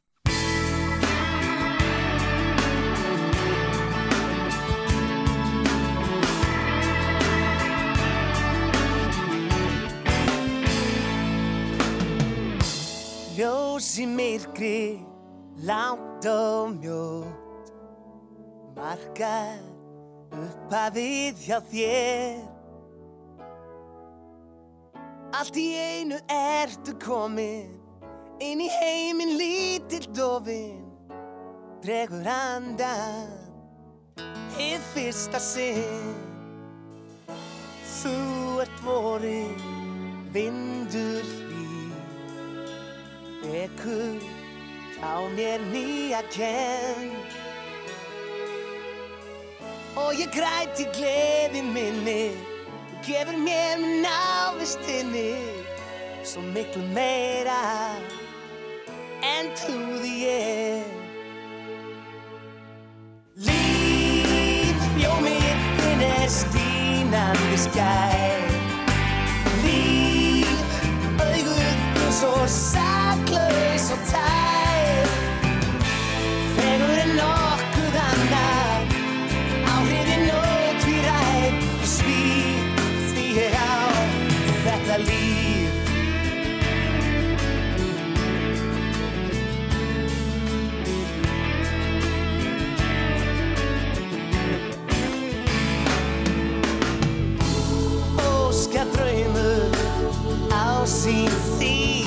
Þetta, þetta lag á þú, Jón, Já, Líf. Þetta var ég. Þetta á fyrstu sólplötun hans, hans Stebba Hilmas Já. Hann á textarni ekki? Jú, og hann fekk þetta lag frá, hjá mér Já, fyrir þessa sólbutu og ég held ég að rúpa sami þetta sérstaklega fyrir hann.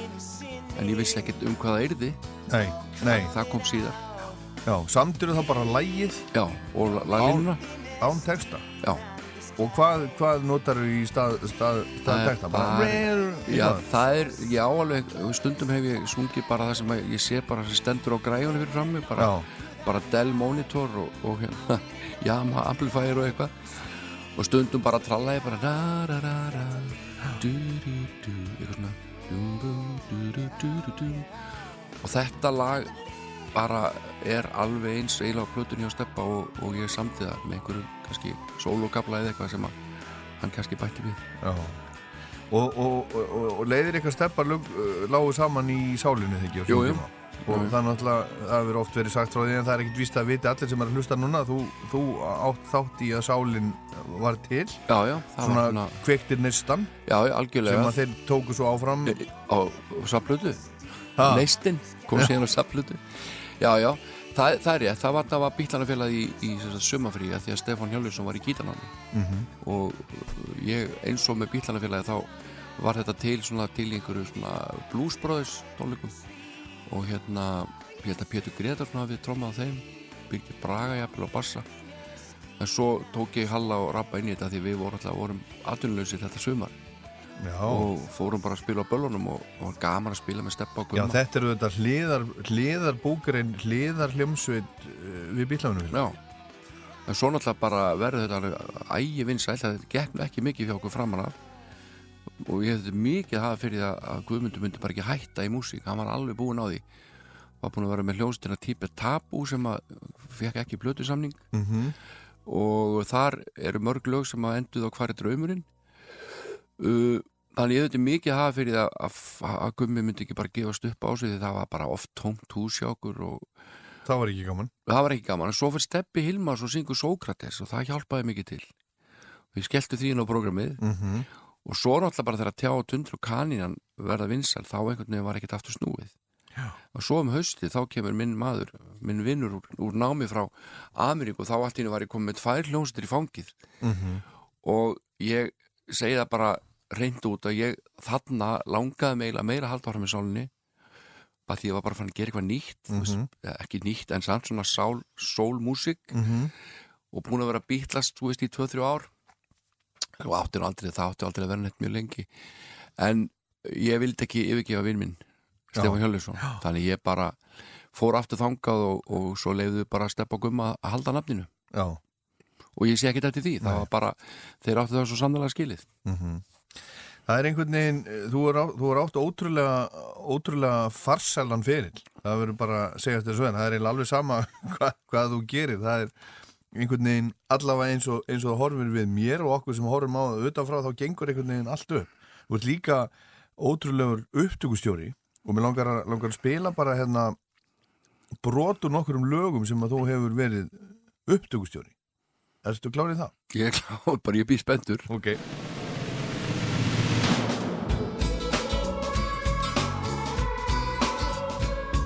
Og áformin voru svo heillandi Það var harðla léttvegur brettur Sem gekk af þeim dögum En hann var guðlegur og nettur Já, það sem brá fæti Fyrir þig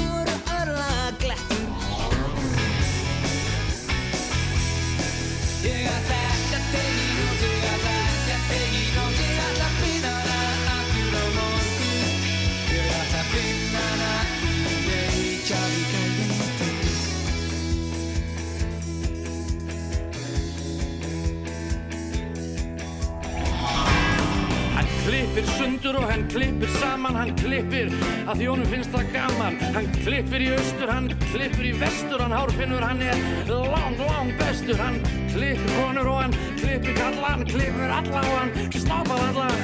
Hárfinnur, hárfinni, hann er bæjarins allra, allra mest snittifinni.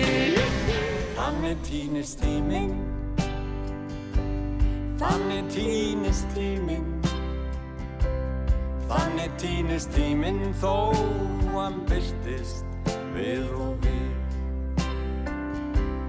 Þannig tínist tíminn Sólinn brennir nóttina og nóttin slökkvir dag.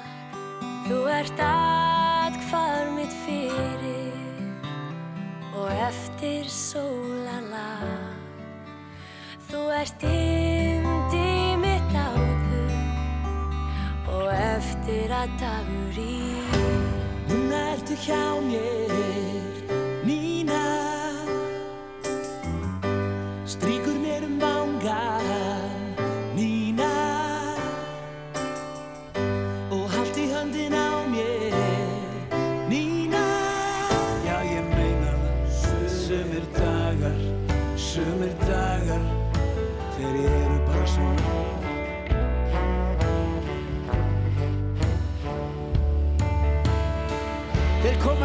stundum þrýr í röð Hvað hef ég gert til að eiga það skilið?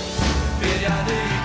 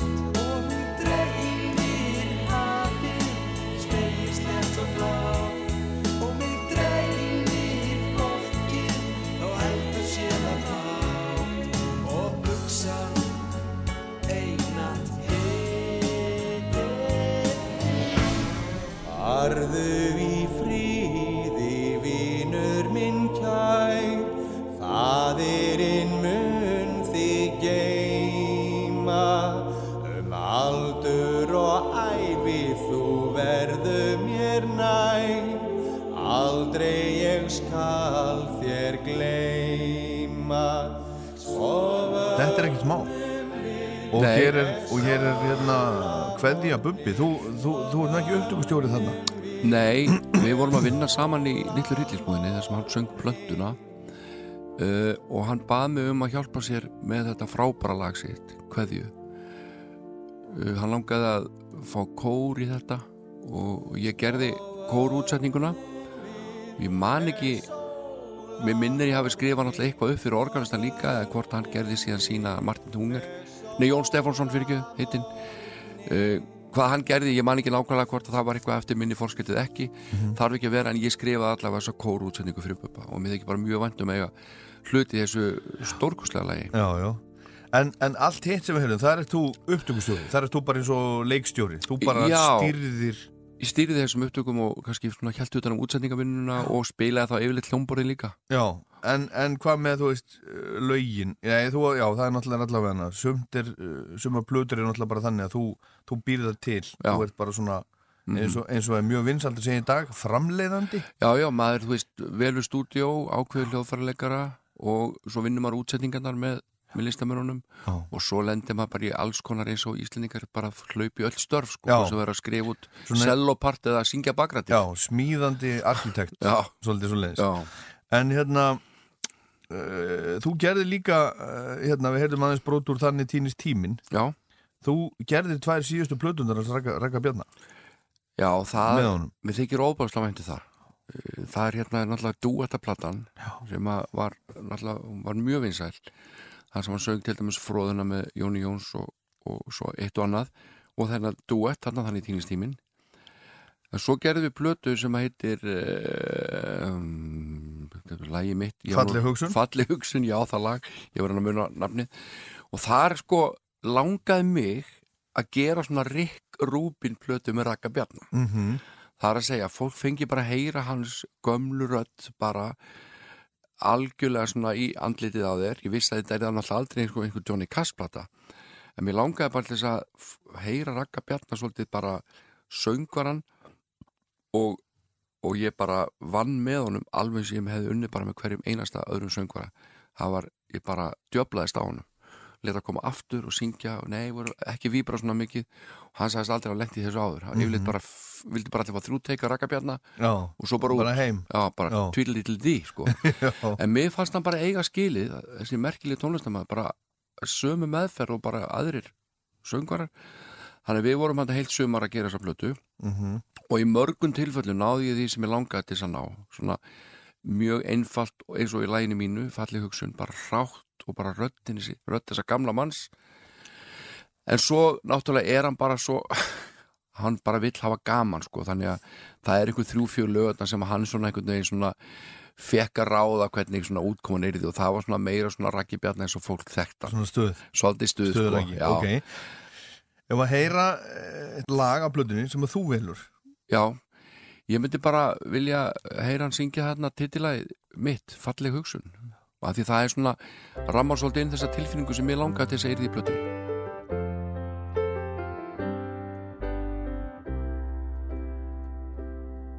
Þótt stundum bjáti eitthvað á Þá opnast vegir breyðir Ef þráum við þá sól að sjá Sem sýnir betri leiðir. Já þegar ætlun okkar bregst Og eitthvað fer úr skorðum Það breytist ef með tímatekst Að trúa þessum orðum. Já, fólki eitthvað á sér stað sem öllum vandamálum getur breytt. Því flestir geta fundið að falleg hugsun kostar ekki neitt. Já, falleg hugsun kostar ekki neitt.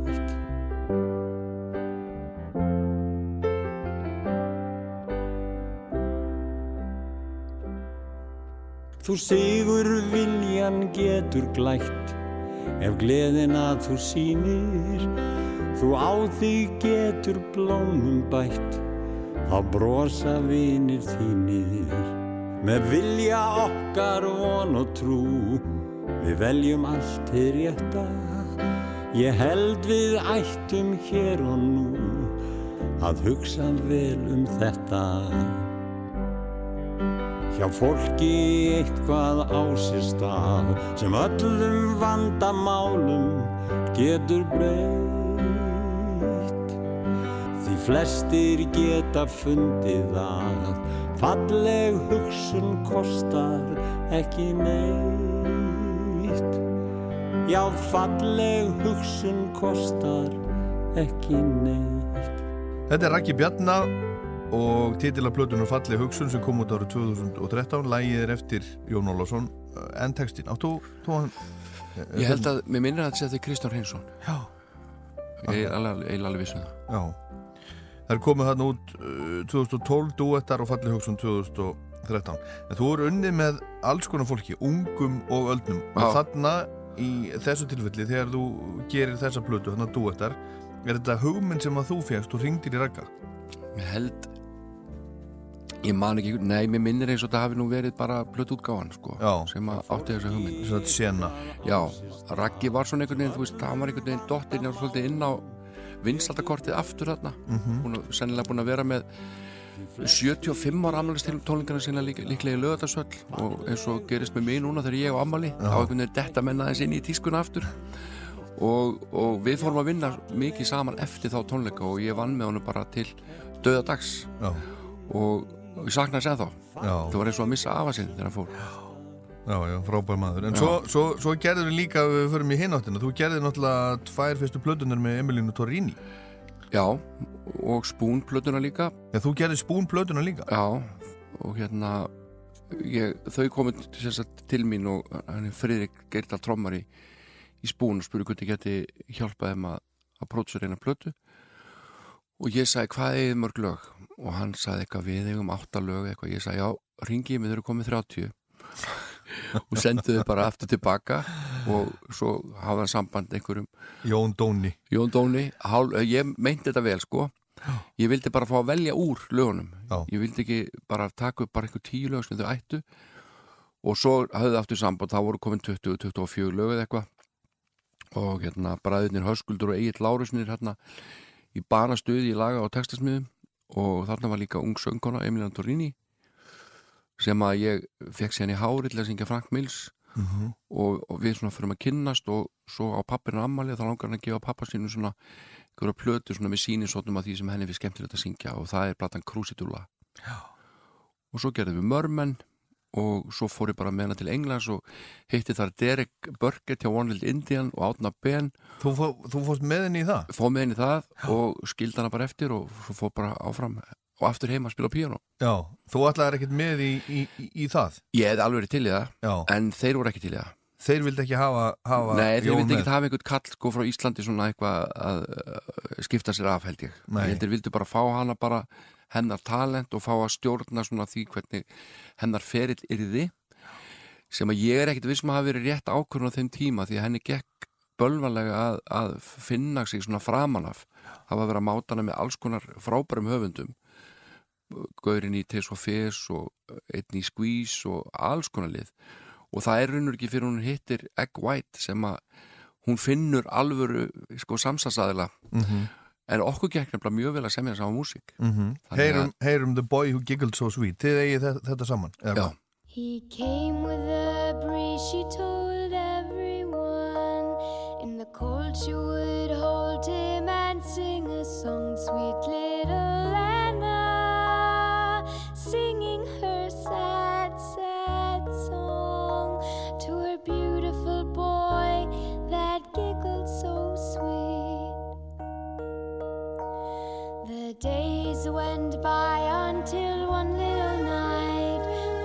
one little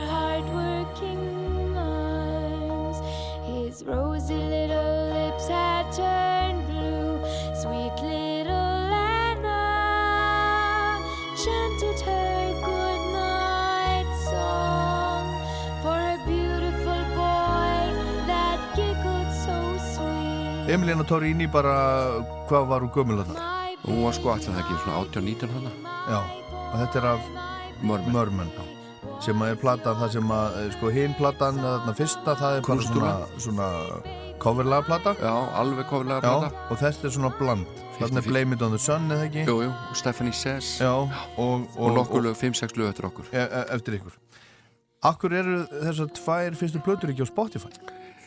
Það er út af því að One Little Indian, þeir vildu svona bæði náttúrulega losna um mig út úr hérna myndinni og bara allt sem hún hafi gert. Þeir vildu bara, bara bygg, geta byggt hana upp frá nulli Já, og þeir keiftu bara að mér útgáðréttin eða okkur af þessum plötum og ég hefði bara að afhenda þeim masterana og þeir bara hafa allt ákvörnuvald bara með þetta, þennan katalóg. Ertu ekki að djóka? Nei, Þetta er ósangjant já, já, svona Þetta er bara, bara, þú veist, gagvart hennar aðdáendum og, og, og, og svona, bara, þetta er bara, bara já, já, en það ég minna líka, þú veist, akkuru þú veist, akkur ekki að leifa þess að vera? Ég meina, þú veist, hún hefði aldrei fengið þennar blötusamning nema að hún gerði þessa blötu Já, þetta er, þetta er sérstætt Já.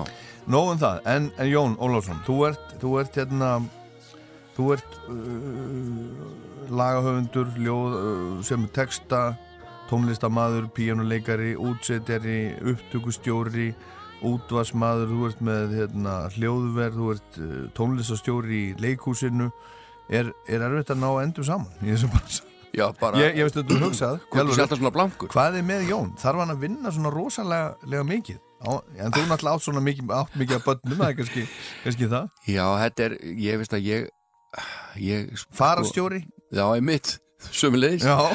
Nei, það er einhvern veginn sko, ég veit ekki, það var alltaf var þarna á tíma, þá var ég bara hrikalega eftirsóttur. Þarna, Sjónvarsmaður?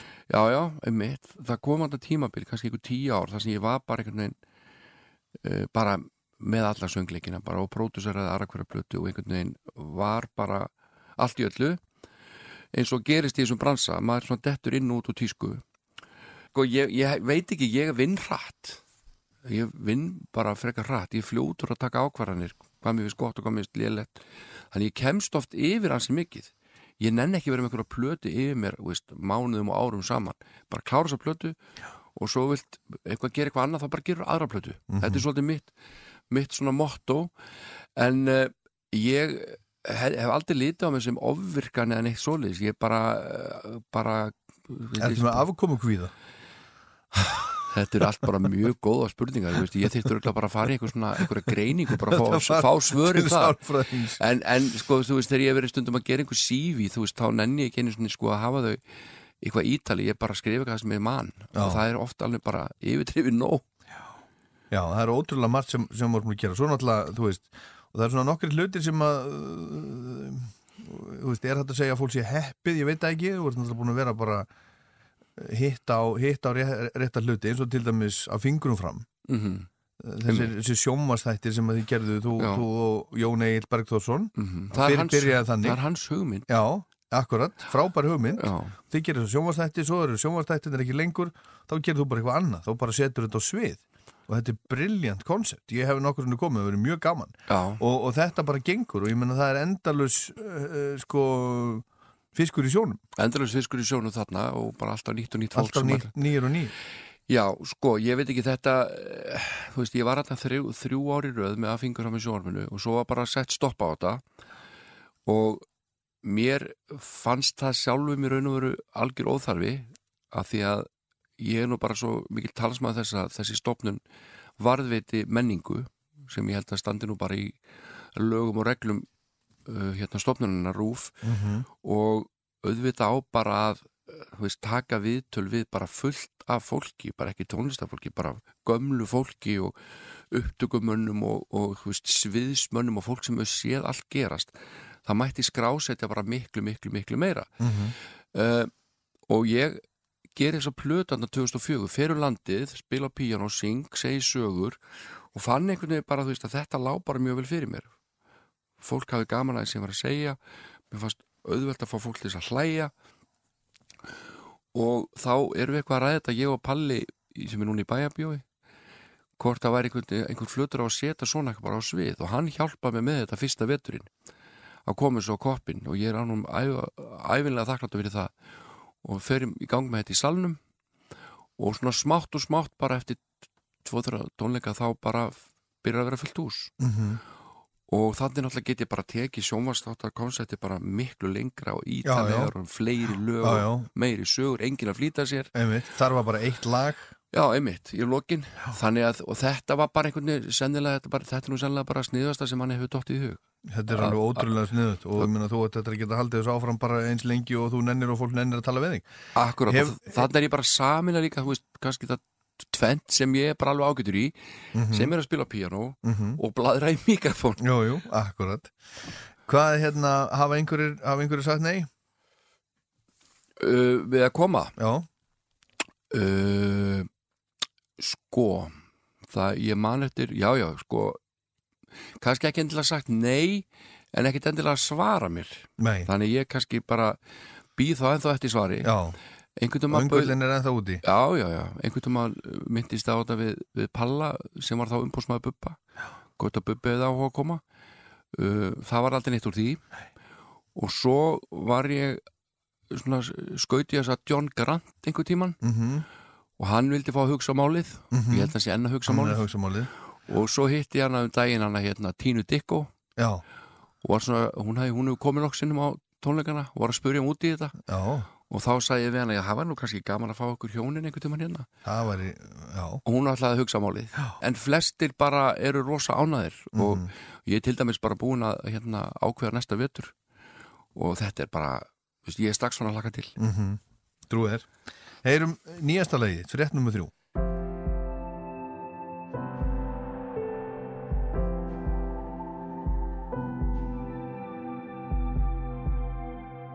Fólkið er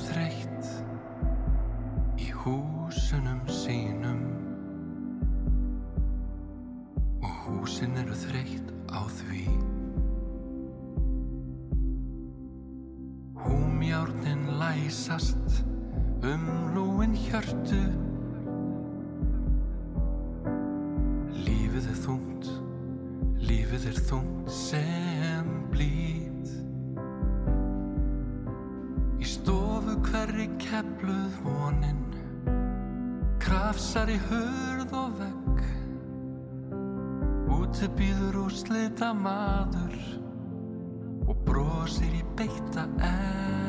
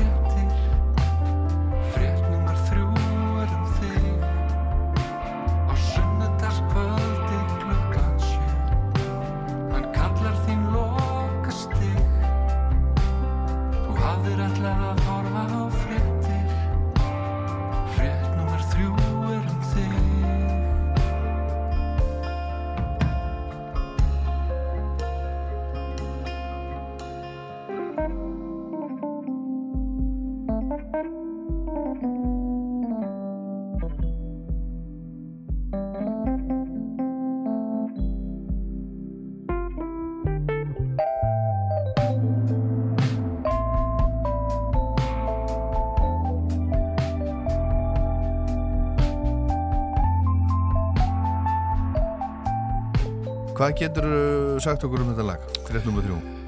Uh, Þarna, þarna sá ég uh, kvæði á Facebook eftir Hallgrím Helgason sem að uh, er bróðir Gunna á Ása vinna mína, týpur hana.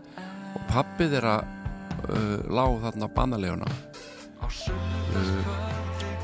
og hérna og það var COVID og heimsóknir eins og þær voru allt í steik og hann gerir þennan texta um þetta, þetta tímabil og þessa daga sem hann er að heimsækja pappa sem síðustu daga og þessi texti bara, hann reyf mig og ég bara spurði hann hvort ég mætti prófa sem ég lagði þetta og ég bara gerði það og þetta er náttúrulega ekki ég held að það har aldrei verið neitt mikið spila en mér finnst þetta svolítið flott Hvernig lítur næsta ár út?